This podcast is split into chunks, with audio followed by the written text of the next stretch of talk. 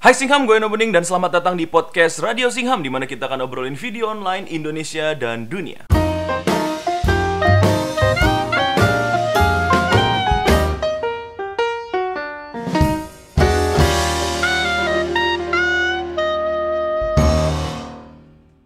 Podcast ini enaknya didengar. Pas lagi kapan? Ya pas lagi lu mau tidur atau pas lu lagi mau on the way ke kampus atau kantor. Karena kalian tinggal pasang headset dan lanjutin segala aktivitasmu. Mau nyiapin sarapan kek, mau makan malam kek Pokoknya lu nggak perlu lihat visual dari video ini. Itulah enaknya podcast Sorry banget, sorry banget Singham sempat hilang lama karena gue itu lagi sibuk ngurusin Clean Sound Studio Channel gue yang satu lagi yang pengen gue kapitalisasikan Yang belum subscribe, waduh kejem banget loh buruan subscribe dong, bantu gue dong. dan kali ini kembali pengen ngobrol bersama kalian di Radio Singham dan pembahasannya kali ini adalah HIV. Nah lo serem banget kan, balik-balik bahasnya HIV. Gokil, nyatanya masih banyak banget dari kita yang nggak paham sama HIV. Dan malah menutup mata sama hal itu. Padahal banyak banget informasi yang bisa kita pelajari dari HIV itu sendiri. Oleh karena itu sekarang sudah ada temen gue Acep Gates yang video YouTube-nya lagi naik-naiknya nih karena di videonya itu dia berani buka-bukaan ngasih tahu banyak orang kalau dia positif HIV alias hidupnya itu mengidap virus HIV di dalam tubuhnya. Dan kali ini dia mau berbagi banyak cerita tentang hidupnya yang dijalani dengan HIV. Nah, dari sini kita bisa belajar nih. HIV itu sebenarnya apa, penularannya, penularan, penularannya bagaimana dan gimana cara menghindarinya? Itu beneran gak ada obatnya? Apa nanti langsung mati atau gimana? Kan banyak miskonsepsi tuh. Kalau katanya juga pegangan tangan sama orang HIV uh, eh, otomatis HIV gitu kan. Apa benar gitu? Apa uh, tidur bareng karena nyamuknya nyedot darah dia terus nyedot darah kita? HIV kita. Ah yang bener yang mana nih? Oke? Langsung aja kita ajak podcast bareng Acep Gets. Halo Acep apa kabar nih Halo, baik Bang Eno. Gimana kabarnya Bang? oh, kalau gua mungkin selalu akan baik selama YouTube Indonesia masih terus hidup. Iya, semoga uh, umurnya panjang ya YouTube. Amin. Semoga nggak di ban pemerintah. Nah, Acep ini sebenarnya lu orang mana sih? Acep Gates nih. Jangan-jangan lu anak Bill Gates diam-diam nih ya. Cuman Bill Gates nggak mau ngaku nih. Iya makanya masalahnya itu sih sebenarnya. yang bener. Jadi jadi uh, gue asli Cianjur, jadi memang orang Sunda, Tulen. Oh Sunda pisan. Ah uh, uh, Sunda pisan. Jadi nama gue itu sebenarnya bukan Acep Gates, tapi Acep Saipudin. Jadi memang kayak uh, Sunda Sunda Sunda banget lah gitu. Jauh ya, yeah. Saipudin ke Gates boy. iya makanya. tapi karena uh, salah satu idola gue memang Bill Gates jadi kayak kayaknya bagus deh kalau kalau itu dijadiin nama belakang gue kalau kalau gue hadir di beberapa acara kayak gitu gitu oh ya, ya bener jadi sih ada ya. Uh, uh, jadi ada perpaduan antara Sundanis dan Amerikan gitu. Waduh, berat nih buat teman-teman yang belum tahu Acep ini uh, sebenarnya biasa disem, biasa dipanggil Acep ya dan Instagramnya Acep Gates, YouTube-nya juga Acep Gates dan dia ini ngomongin banyak hal mengenai HIV dan buat kalian yang belum tahu dia ini uh, kita bilangnya apa ya positif HIV ya apa apa gitu ada istilah khusus? Iya sebenarnya ODA sih. ODA itu apa? Orang dengan HIV atau AIDS. Oh ada singkatannya gue baru tahu loh ODA namanya. Uh, uh, Iya, Oda. Jadi itu sing uh, sebutan untuk uh, orang-orang yang terjangkit virus HIV positif. Hmm, gitu. Kalau teman-teman pengen denger cerita lengkapnya ada di channel YouTube-nya Acep. Lu nonton dulu deh. Tapi gue pengen yeah. bahas yang kira-kira belum disebutin di videonya nih. Tapi kita dikit-dikit yeah. juga ambil dari videonya nih ya, biar teman-teman bisa dikit dapat backgroundnya. Uh, jadi lu dikatakan positif HIV atau ODA itu pas lu umur berapa sih? Kemarin satu bulan sebelum gue ulang tahun ke 23 jadi kayak sebulan lagi 23 tahun gue kena uh, eh, HIV gue sempat kesel lu bilang kemarin tuh bener-bener kayak bener-bener hari kemarin nyet. Kayak buset lu baru kemarin nih. Iya dua tepatnya 24 September. 24 September mm -hmm. gue tes yang kedua terus hasilnya memang positif. Oktobernya oh. gue ulang tahun yang ke-23 gitu Berarti lu di umur 23 tahun dinyatakan yeah. oh, udah. Gimana? Lu sekarang perasaannya gimana? Setiap orang selalu pengen nanyain lu positif HIV bro? Gimana bro? Gitu. Jawaban lu apa sih? Kan lu pasti bosen tuh setiap orang nanyain itu apalagi lu udah speak up ke Iya, publik gitu. eh apa ya? Eh gue lebih kebetulan karena pas gue upload video di YouTube itu kan respon orang macam-macam bang ya. Mm-mm. tapi kayak 80% mereka paham lah dalam arti mereka support gitu. Jadi yang ditanyain pun yang nggak terlalu sensitif gitu.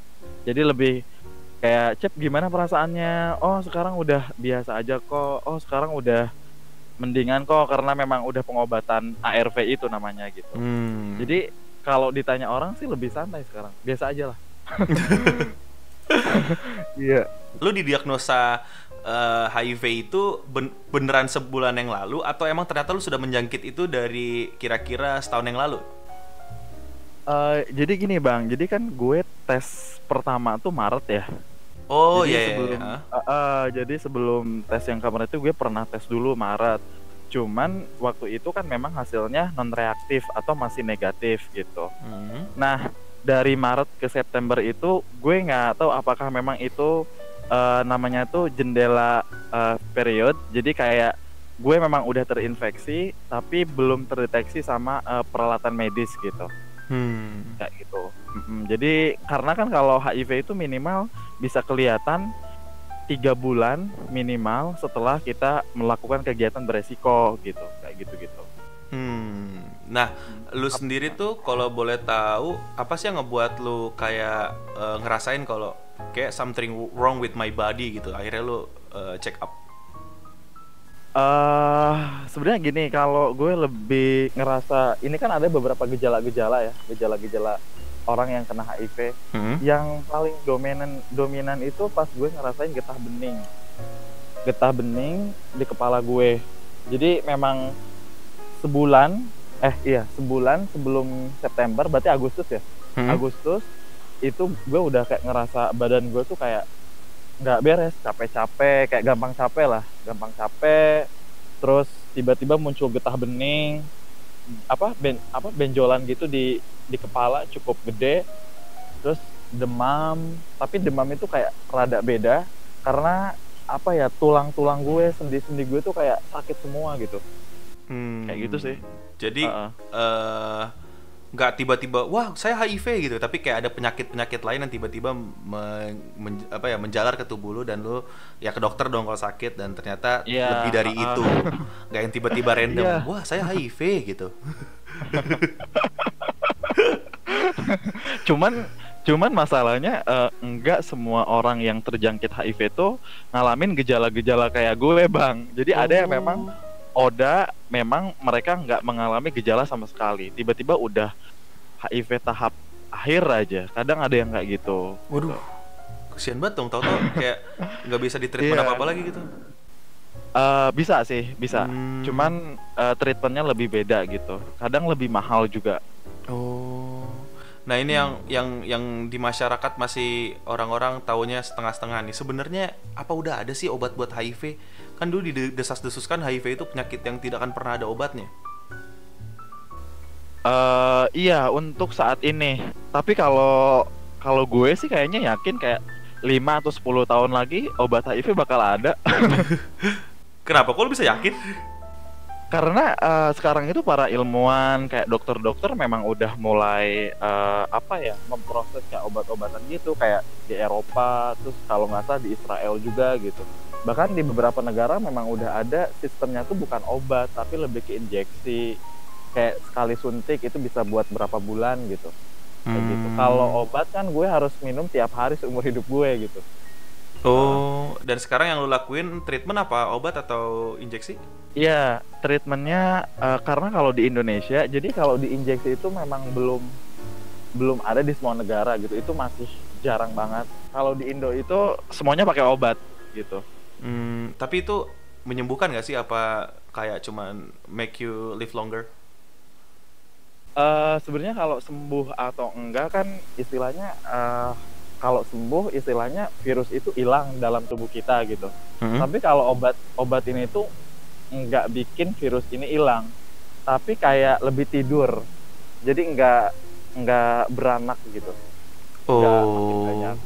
Eh, dan lu eh, jadi ya bukan masalah sembuh apa tidak ya tapi gimana lu bisa bertahan dengan eh, virus yang ada di badan lu ini Ah, ah, kayak kita harus rajin olahraga, terus kayak minum obat, terus apa secara teratur, terus kayak eh, pokoknya hidup kita tuh kayak bener-bener harus dirubah 180 derajat, harus lebih sehat gitu. Hmm, sebenarnya kalau HIV itu eh, apa ya gimana ya penyakit apa sih kan kalau nggak orang tuh pada nggak tahu ya kalau itu sebenarnya penyakit yang menyerang sistem imun lu kan yang di mana lu jadi kok nggak bener gak sih yang lu jadi gampang kena Eh, penyakit gitu apa apa apa iya. sebenarnya kurang tepat HIV itu bukan penyakitnya sebenarnya, tapi virusnya. oh virusnya ah. Ah, jadi virus yang memang menyerang imun kita gitu. Biasanya kan kalau imun seseorang lemah, penyakit pada muncul kan Mhm. gitu. Nah bahayanya gitu. Kalau eh, virus HIV-nya udah nyebar, terus nanti berkumpul lah jadi AIDS. Nah kalau Hmm. orang orang udah masuk tahap AIDS, biasanya kayak penyakit pun lebih banyak yang ada di tubuhnya gitu. Oh. Makanya kan, eh, eh, makanya kan banyak orang yang meninggal akhirnya kayak gitu. Nah, kalau lu sendiri nih ya, lu sendiri ada bedanya nggak dari lu sebelum se- apa tanpa virus HIV di badan lu dan dengan ada virus HIV di badan lu? Apa benar lu eh, gampang sakit dan langsung kalau kata orang-orang lu sariawan sembuhnya tiga tahun gitu? eh itu orang-orang yang susah susah sembuh tuh orang yang nggak mau pengobatan. Oh, nggak mau Biasanya. pengobatan? Eh, eh, jadi karena ternyata di Indonesia tuh masih banyak orang yang nggak mau pengobatan HIV gitu bang. Jadi ya Waduh. mereka kayak kayak terluka atau apa di kulit itu biasanya susah susah susah sembuh gitu. Kayak gitu. Hmm. Cuman perbedaan di tubuh gue sih sekarang mungkin kayak lebih nafsu makan gue tuh kayak apa ya kayak bertambah gitu. iya jadi eh, kalau kata dokter sih ada efek samping obat ini ya kayak selama satu tahun gue kayak bakal bakal ngerasa lapar terus gitu. Tapi nggak gain weight? Apa biar kita bisa gain weight? eh memang apa ya eh F apa ya namanya tuh kayak efek efek obat itu ya iya jadi, jadi kayak bikin bikin kita berat makanya kayak kita harus kayak rajin olahraga kayak gitu gitu sebenarnya Hmm. kalau dibandingin masalah mental justru gue lebih bahagia sekarang kok kok gitu coba-coba dielaborate. Kenapa lu lebih bahagia sekarang? karena yang pertama gini bang jadi eh karena pola hidup gue tuh kayak berubah 180 eh, derajat gitu bang Hmm. maksudnya kayak gue bisa lebih sehat kayak tidur kayak gitu-gitu lebih teratur. Kayak dulu gue, gue kalau tidur tuh kayak jam 2 jam 3 baru tidur. Sekarang kan jam 10 malam jam 11 gue harus udah tidur kayak gitu. Terus Hmm. Eh, eh, terus gue makin rajin olahraga kayak gitu. Terus apa ya kayak teman-teman pun kayak mulai mulai berguguran kayak seleksi alam gitulah.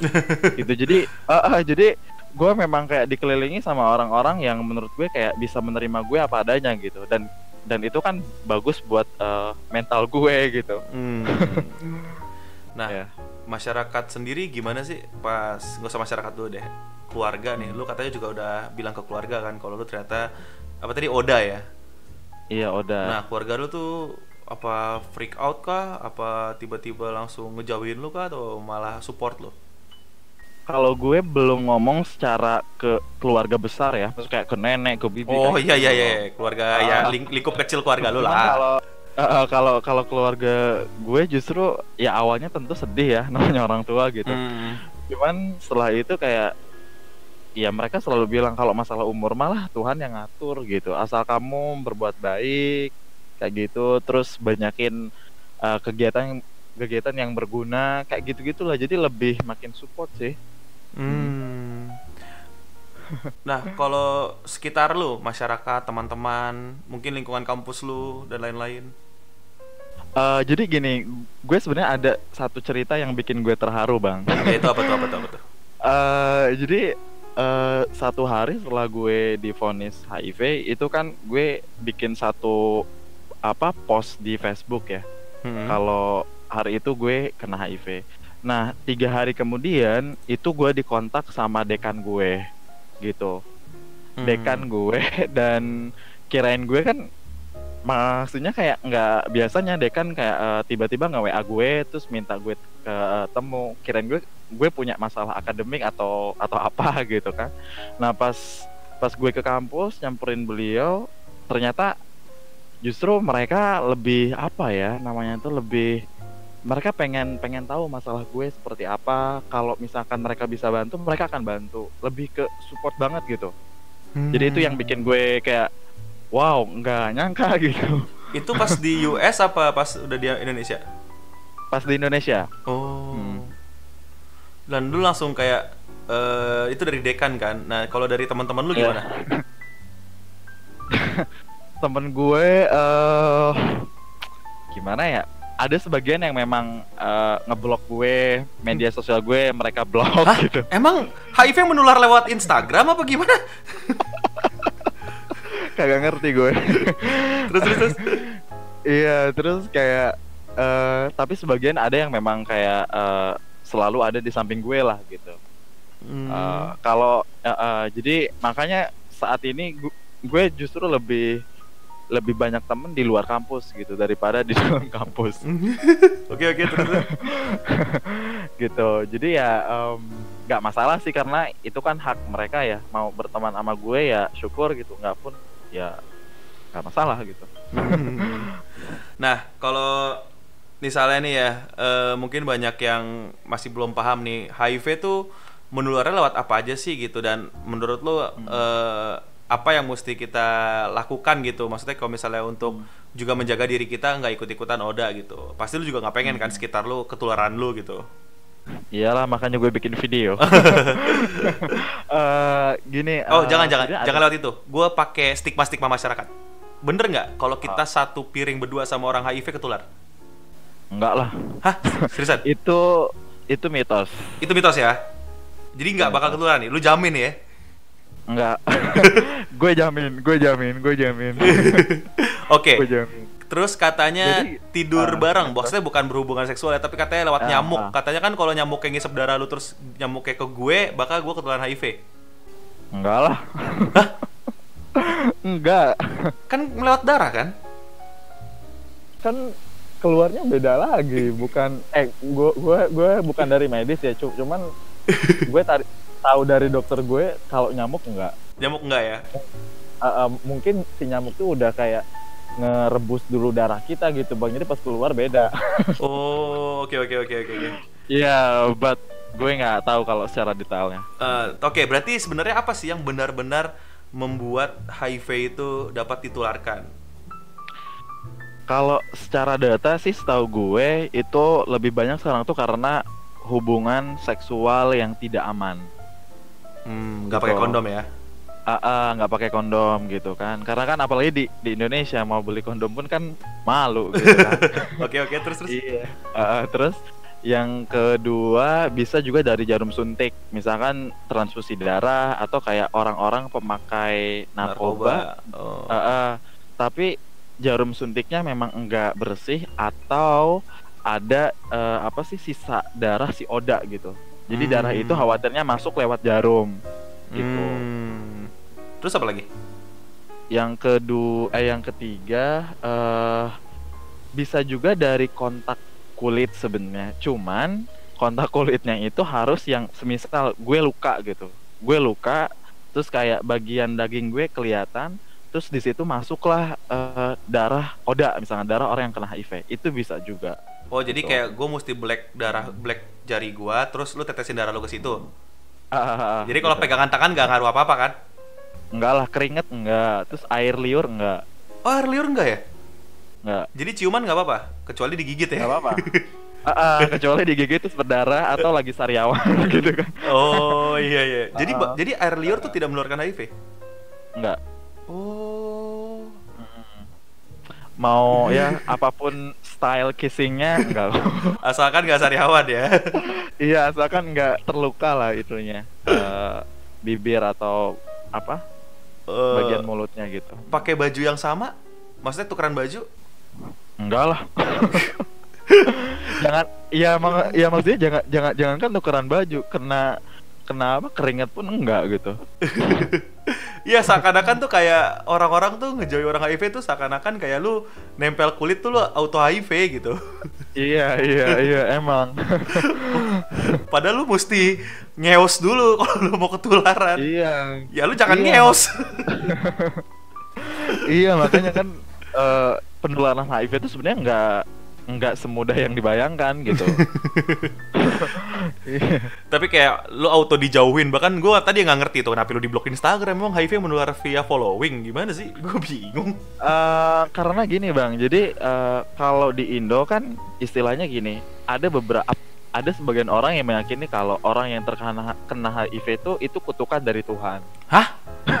Percaya atau enggak sih itu? Oke, oke. Percaya atau enggak sih? Cum, karena mungkin eh, orang yang terkena HIV itu identik mereka punya eh, pergaulan yang kurang sehat. Iya, Gitu. karena salah satu penyebab penularannya adalah Ah, ah. eh, melalui aktivitas seksual dan narkoba ya. Ah, Ah, itu, Oke, oke. itu. Jadi memang eh, stigma di masyarakat ya langsung seperti itu gitu. Tapi bukannya juga bisa karena turunan ya? Bisa. Nah, itu Jadi eh, kesian dong yang ah. iya bisa juga kayak misalkan gue Oda terus istri gue misalkan nggak Oda tapi gue nggak melakukan pengobatan yang benar terus gue berhubungan seksual sama istri gue itu bisa aja istri gue kena anak gue kena gitu. Hmm, tapi sekarang kan ya itu dia obat dunia medis sudah canggih banyak kok orang-orang Oda yang nikah sama non Oda terus Hmm. pasangannya nggak nggak tertular gitu Anaknya pun juga nggak? sehat-sehat Ah, ah. Hmm, iya, jadi kayak sebenarnya untuk menularkan Oda tuh kesulitannya ya tahap itu. Kayak Iya. yang lu jarak 5 meter langsung auto HIV gitu. Kalau nggak satu Jakarta Iya. HIV, lu tinggal di busway aja gitu. Tahu-tahu satu busway HIV gitu.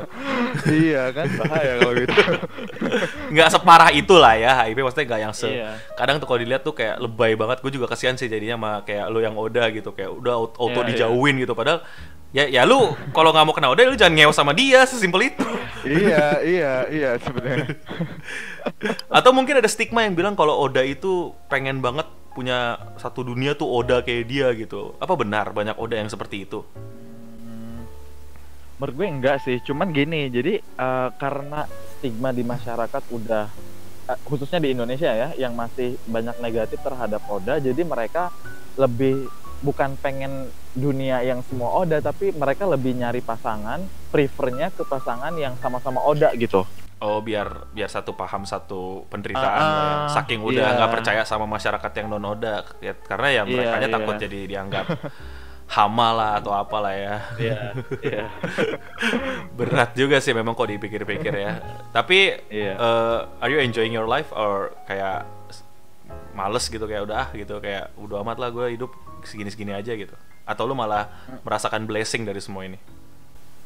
justru gue makin ya itu dia setelah gue Oda sekarang gue makin bahagia gitu bang karena ya itu dia banyak support banyak apa ya yang ngedoain gue supaya lebih baik istilahnya Hmm. terus eh orang juga sedikit demi sedikit makin aware terhadap kesehatannya gitu setelah ya salah satunya nonton video yang gue upload gitu Hmm. Iya jadi kayak kemarin tuh kayak gue ngerasa terharu gitu kayak beberapa orang DM kayak gitu-gitu terus Mm-mm. Dia Mereka tahu nih gue juga kenal lu dari tahu-tahu Ah. muncul di homepage gue pasti penonton gue nontonin lu nih sampai kok tiba-tiba lu naik ke homepage gue dan gue penasaran wah gila nih orang berani banget gue bilang kayak gokil langsung gue DM iya makanya dan lu bakal terus Gitu nih sih. bikin uh, video-video seputar HIV dan lain-lainnya ya. Kayak lu nunjukin kalau Iya. HIV ya ya udah jalanin aja. Iya. Semoga bisa konsisten sih. Bisa. Asal lu rajin ya kalau lu jangan Iya. tiba-tiba bikin distract aja sih sama tahu-tahu ngap- pamer-pamer barang mahal ya tai sih. Iya, iya. kesel sih. Lu udah punya good cause tapi belok. Nah sebenarnya Iya, jadi- lu juga ternyata bikin ini ya for children uh, ID ya. Itu apa sih? Iya. Jadi itu eh, organisasi yang fokusnya ke isu bullying. Hmm, dan bahkan lu bikin ini sebelum lu kena Oda ya? Iya Hmm. Ya ini tahun 2015 pas gue semester 3 kalau nggak salah oh keren Ah. keren keren itu tujuannya apa sih Jadi eh, sebenarnya ini eh, ya tujuannya yang pertama kayak eh, meningkatkan kesadaran masyarakat lah masalah bullying, masalah mental illness karena gue dulu punya masa lalu apa pernah ngalamin bullying kayak belasan tahun gitu jadi kayak ngerasa Hmm. dampak negatifnya dari bullying itu kayak ngebunuh gue gitu bang Hmm, Jadi ya- SM, SMP SMA lu ya. SD SMP SMA Oke. Hmm. Hmm. Dan lu mendirikan ini nih bareng teman-teman lu apa sendiri aja nih? Eh, sama teman Hmm. beberapa teman Bahkan lu udah berbuat banyak juga ya pada saat lu belum Oda dan Oda malah makin nambah nih katanya mau bikin satu lagi nih. Eh iya baru rencana sih Eh, Oh. semoga lancar lah Apa Red Survivor ya? Eh, eh, karena menurut gue di kita tuh belum ada satu komunitas yang memang untuk mengakomodir ya, mengakomodir teman-teman Oda untuk saling cerita gitu. Hmm. Karena- Challenge terbesar dari Oda itu bukan masalah obat ya, karena obat mah kan tinggal pergi ke rumah sakit beres gitu. Hmm. Mereka tuh butuh minimal temen ngobrol gitu. Iya ya, karena gua ngerti sih itu. Oh. Iya karena banyak banyak banget Oda itu yang ngumpetin statusnya bahkan nggak nggak pernah bercerita selama bertahun-tahun sekalipun ke orang yang paling dekat sama mereka gitu dan itu jadi beban mental Bukannya sembuh malah makin parah malah ya. iya Karena iya eh, jiwanya nggak sehat gitu. Tubuhnya jadi Iya. susah susah untuk ikut sehat walaupun obatnya udah semahal Iya, apa pun iya. gua rasa bisa kacau sih itu treatmentnya. iya memang benar Eh, dokter Oh, bener juga ya? bilang gitu iya bener jadi di apa sih namanya tuh gue gue kurang paham sih kayak ada angka gitu namanya CD4 Hmm. CD4 gitu. Jadi eh, orang bisa dikatakan HIV rada normal itu angkanya 410. Kalau di bawah itu itu eh, apa ya istilahnya bisa sangat eh, merusak eh, tubuh seseorang gitu. Hmm. Nah, itu nurunnya angka itu tuh paling utama karena pikiran. karena mental seseorang. Oh, bisa bener-bener mental state lu bener-bener mesti kuat banget nih ya. Gila-gila. Oda Iya. tuh perjuangannya gokil juga ya. Udah mesti sehat, mental lu mesti sehat. Wah, gokil Iya. dah. Iya, Jadi makanya ninja kayak- lu abis ini lu ganti Naruto. Banyak banget tantangannya. Nah, dari ini semua men pengen tahu dong pengalaman terburuk lu pas jadi Oda tuh apa sih? Yang benar-benar mungkin bisa bikin lu kayak paling bawah dalam hidup lu pernah nggak sih untuk Oda ya? eh nerima keadaan diri sendiri sih karena Hmm. gue bisa ketawa-ketawa sekarang tuh prosesnya lumayan panjang gitu eh gue pun semenjak apa ya eh istilahnya sadar kalau gue memang salah seorang yang beresiko kena HIV itu gue udah mulai depresi dari awal gitu. Sebelum gue tes bahkan gitu. Jadi Hmm. yang yang gue pikirin berbulan-bulan tuh pas sebelum tes gimana ya kalau gue positif terus hidup gue karir gue semuanya kayaknya bakal hancur gitu. Kayak kayak kayaknya kebahagiaan tuh kayak hilang gitu bakal hilang dari hidup gue gitu. Itu sih. Karena yang paling penting ya itu kita bisa nggak nerima diri kita dengan kekurangan sekarang atau enggak gitu Hmm. Hmm. Itu benar-benar battle-nya benar-benar sama diri lu sendiri doang ya? iya uh-uh. Kalau yang battle-nya sama orang lain pernah? Be- beberapa guru sih sebenarnya Guru? Eh, dosen? eh jadi gue kan dulu lebih deket ya sama guru-guru SMA gitu terutama Hmm. gitu dan eh, tiba-tiba pas apa ya tahu kondisi gue sekarang ini kayak banyak lah judgementan dari seorang sorry ya sorry itu saya kayak dari seorang guru gitu yang yang dulu gue berharap dia bisa ada di samping gue tapi ternyata eh, ngejauh bahkan mereka pun ngeblok Facebook segala macem gitu Oh, padahal lagi mencari pertolongan bahkan Nah. sesimpel teman curhat Iya. doang ya. Dan mereka Iya, iya, malah itu. ngeblok dan ngejauhin lu. Gila dalam sih. Betein sih itu, udah dipercaya malah kampang. iya Eh, seru seru seru seru. Dan eh apa dengan ini semua lu dapat pelajaran baru atau dapat teman baru?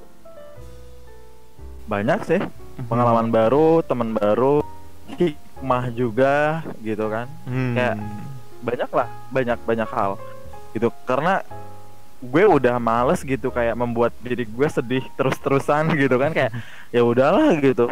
Maksudnya lu kalau kalau kalau kalau gue sedih untungnya buat diri gue juga nggak ada gitu. Justru bisa makin kondisi gue makin makin kurang baik gitu. Kalau ini gimana? Kayak apa? Mas- eh, masyarakat itu, tetangga. Belum pada, udah pada tahu kah? Apa belum? sebenarnya gue nggak tahu pasti mereka udah tahu atau belum cuman gue kan sering banget kayak posting-posting di Facebook dan gue banyak teman-teman tetangga juga mungkin secara tidak langsung mereka sering baca eh, status-status gue gitu tapi pas gue pulang ke kampung karena gue memang nggak tinggal sama orang tua Hmm. respon mereka baik-baik aja Biasa-biasa aja ya. Ah, ah, biasa-biasa aja gitu karena selama kita nggak ngerugiin mereka mungkin ya Ya. Hmm. kenapa harus harus ngejauhin gitu Hmm. Oke, ini ada pertanyaan. Mungkin tahu deh lu mau jawab apa enggak. So, Ah. lu takut nggak akan kematian? dulu iya sekarang nggak Serius dulu, dulu ya gue gue gue akan sangat paham ketika lu takut kematian HIV gitu, Oh. gila aja lo. iya iya lau sokap gitu kan bisa strong gitu loh tapi apa yang ngebuat lo bisa ceritain nggak kayak ketakutannya tuh kayak Eh. gimana dan what's make you sekarang bikin kayak alah hidup gua anjing gitu karena dulu gue mikir kalau bahagia itu ketika umur gue panjang gitu tapi Hmm. kan belum tentu orang yang umurnya dikasih panjang mereka bisa lebih produktif gitu jadi yang gue gue gue pikirin sekarang bukan bukan berapa lama gue harus hidup tapi berapa banyak eh, hal-hal yang menurut gue bermanfaat itu bisa gue lakuin sebelum gue mati nanti gitu. Iya sih. Karena kalau kalau apa sih kalau orang muslim kadang suka eh, dengar kosidah bang. Jadi ada ada apa sih satu kosidah yang apa eh walaupun hidup seribu tahun kalau kalau tak sembahyang apa gunanya katanya. Jadi Ah. kayak ya percuma lu dikasih umur seribu tahun tapi lu nggak berbuat apa-apa gitu. Wah keren keren keren keren. Nah ini berarti langsung aja nih. Kalau misalnya gua nggak tahu ya namanya umur umur gue juga nggak tahu umur lu juga nggak tahu ya. Kalau Ya. misalnya ternyata ini mungkin jadi sebuah mungkin pesan lu buat eh, orang-orang yang mungkin belum bisa dengerin lu ngomong lu kira-kira mau ngomong apa buat orang-orang yang mungkin somehow ketemu video gue dan kenal lu dan mungkin lu belum berani ngomong ngomong sama orang itu?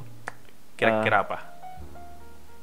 Gue sih cuman minta satu jangan gampang ngejudge orang. Itu sih sebenarnya. Karena terut terutama mereka yang terkena eh, HIV gitu ya.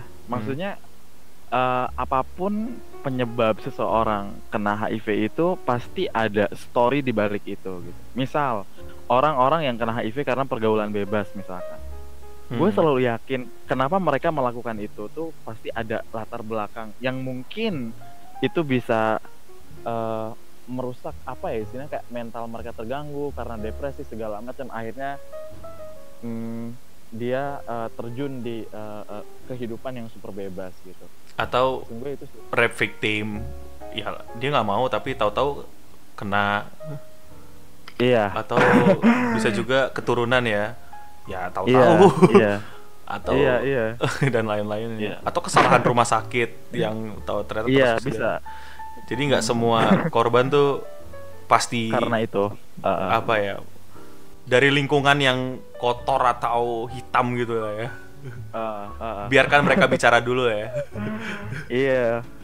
dan lu mau denger apa enggak itu Iya. Oke keren sih keren keren keren Acep thank you banget nih udah mau ngobrol dan buka-bukaan sama kita nih tentang kehidupan lu yang gak lazim sebenarnya buat banyak orang di Indonesia dan mungkin Iya. masih sulit diterima tapi lu berjuang untuk itu dan lu bahkan nggak berjuang buat diri lu tapi lu berjuang buat teman-teman Oda yang lain keren keren keren salut men Iya. silakan. Oke thank you Cep kita bakal ngobrol lagi di lain kesempatan Oke, makasih banyak Bang Eno buat kesempatannya mudah-mudahan bermanfaat. oh ya, ada satu hal lagi yang gue lupa. Jadi kita tuh Apa? di sini tuh terbiasa kalau misalnya lu mau nutup atau selesai di wawancara sama gue, lu mesti kasih quote ke orang-orang. kuat, Ah. kuat apa ya gue? Nah, tapi quote-nya mesti Oh. yang nggak bener, yang yang sangat nggak benar. tidak baik. Misalnya eh Gimana tuh? pakai narkoba biar cepat mati. Ah, eh, Jadi ini quote-nya demotivasi bukan motivasi. oh gini, eh, jadilah kupu-kupu malam. What? biar apa? Eh, biar biar bisa ngelihat keindahan bumi di malam hari. Itu jauh lebih indah loh. Wah, betul juga. Oke, Acep, thank you, thank you. Good luck and sehat selalu dan semoga Iya, selalu menjadi manfaat buat orang lain ya. ya, amin. Ya, Singham itu aja tadi diskusi kita mengenai HIV AIDS bareng Acep Gates ya. Sepudin sih aslinya. Gila-gila seru banget dan akhirnya dapat banyak pengalaman yang bisa kita jadikan ilmu buat kita semua Singham. Keren sih. Lo tetap berjuang untuk bisa bermanfaat bagi orang lain. Lu pada yang gak kena HIV udah ada manfaatnya belum orang buat orang lain, buat sekitar lo, buat ya buat keluarga lo lah minimal atau nggak buat diri lo sendiri. Oke, kalau kalian mau liatin video full Acep menceritain hidupnya yang sekarang bareng HIV, channelnya ada di link di description box di bawah. Kalian klik, jangan lupa show your support guys, subscribe, comment, like, bilang kalau kalian tahu Acep dari gua, biar dia bisa semakin semangat lah bikin video yang bisa memberikan informasi mengenai kita tentang HIV/AIDS. Oke, itu Singham gimana? Komen di bawah tentang diskusi kita pada eh, malam hari ini atau siang hari ini atau pagi hari ini tergantung kalian lihatnya kapan atau nontonnya kapan. Eh, gimana kalian mungkin eh, ada yang selama ini salah mengira HIV itu kayak gimana dan, dan ternyata gimana komen di bawah atau kalian emang sudah terdoktrin untuk nggak akan pernah mau ngedeketin orang HIV dalam jarak 10 meter komen di bawah juga Komen di bawah juga siapa sih menurut kalian orang-orang yang perlu gue wawancara? Sebenarnya gue males minta ampun kalau misalnya hanya untuk fit drama atau gimana gitu ya. Kalau misalnya lagi nggak butuh-butuh banget itu atau dramanya nggak menarik-menarik banget, Radio Singham gue sih lebih bahagia gitu bisa datengin orang-orang kayak gini dan berbagi cerita dan pengalaman ke kalian dengan cara seperti ini. Jadi komen-komennya orang-orang kayak gini dulu ya. Yang drama-drama ya nantilah kalau gue ada moodnya ya. Tapi yang ini kalau bisa tiap hari deh ya, karena ini lebih membuat gue lebih bahagia aja lah bisa memberikan wadah bersuara buat orang-orang yang kayak gini daripada drama. Tapi gue nggak menolak drama ya, maksudnya gue akan prioritaskan yang seperti ini. Asik, bangsat lu. Oke, Sulai, eh Sulai, Singham. Share video ini, sebarin ke segala macam grup WhatsApp keluarga kalian biar orang tua kalian gak panik. Atau kalian ternyata adalah Oda atau kalian bingung gimana untuk ngecek atau mastiinnya, eh, kalian bisa nanti cek channel Acep. Dan kalau kalian teman-teman yang butuh bantuan informasi ada di description box di bawah juga alamat-alamat. Kalau misalnya kalian mungkin ada kelompok atau komunitas yang ternyata Oda atau yang membantu Oda, komen di bawah nanti akan gue sematkan link-linknya atau informasinya di description box di bawah biar bisa ngebantuin teman-teman kita yang perlu informasi mengenai HIV AIDS atau mereka adalah Oda yang perlu bantuan. Oke Singham, subscribe kalau kalian suka yang kayak gini-gini ya dan ya kalau kalian belum jadi Singham segeralah jadi Singham karena gratis jadi Singham bukan subscribe yang gratis, waduh, tapi butuh otak dan butuh daya kritis. Itu jadi dari gue Singham, thank you. Gue senang bisa balik lagi dengan Big Boy episode Radio Singham yang kayak gini dan buat kita semua stay clean and sound.